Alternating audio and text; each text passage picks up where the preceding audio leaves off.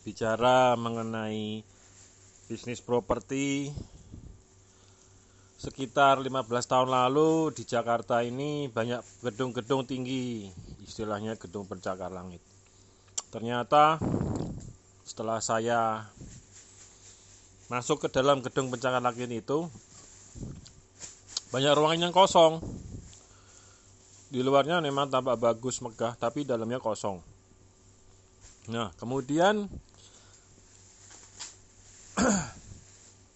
sekitar 6 tahun lalu itu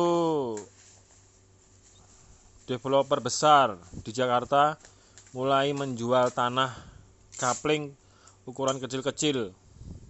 Biasanya mereka itu tidak menjual kapling tanah, biasanya itu kan harus beli berikut membangunkan bangunannya. Tapi kali ini menjual kapling tanah kecil-kecil. Itu berarti mereka sangat membutuhkan uang cash sampai diobral begitu.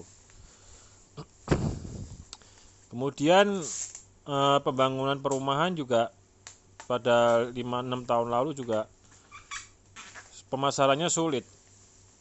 Apalagi mau membangun tempat wisata seperti di Pulau Bintan pun pemasarannya sampai ke luar negeri tapi susah juga eh, pemasarannya, peminatnya sangat lesu.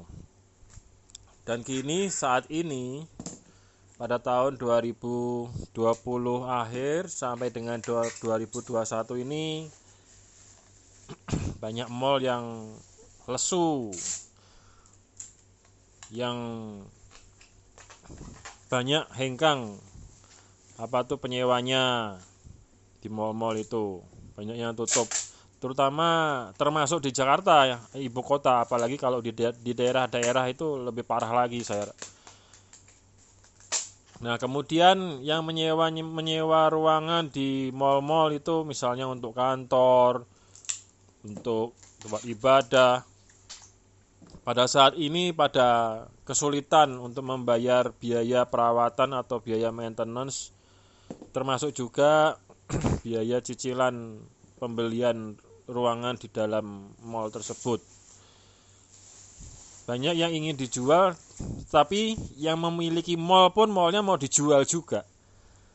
Jadi ini kondisi bisnis properti, bisnis ruangan buatan ini kondisinya sangat parah. Kemudian Ya, saya hanya ingin memberikan masukan suatu penilaian sebelum membeli rumah. Jangan beli rumah itu di daerah barier dari tsunami, barier dari bencana alam. di kota-kota besar terutama ini ada satu kawasan yang untuk barier. Untuk barier itu untuk pengaman apabila terjadi tsunami itu kawasan tersebut akan dihantam dulu. Tentunya bangunan-bangunan di sana itu ya berdirinya tinggi-tinggi juga yang kokoh untuk untuk menahan apa tuh hantaman dari bencana atau dari tsunami. Kemudian kedua adalah kita harus memperhatikan keamanan kebersihan dan keamanan itu sangat penting bagi yang mendukung kesehatan kita hidup sehari-hari. Juga harus ada tersedia air bersih. Jangan jangan beli rumah di perumahan yang sangat sulit pengadaan air bersihnya. Jadi harap lebih bijaksana dalam membeli rumah membeli ruangan terutama pada saat-saat ini kondisi bisnis properti ini lagi sangat rontok-rontokan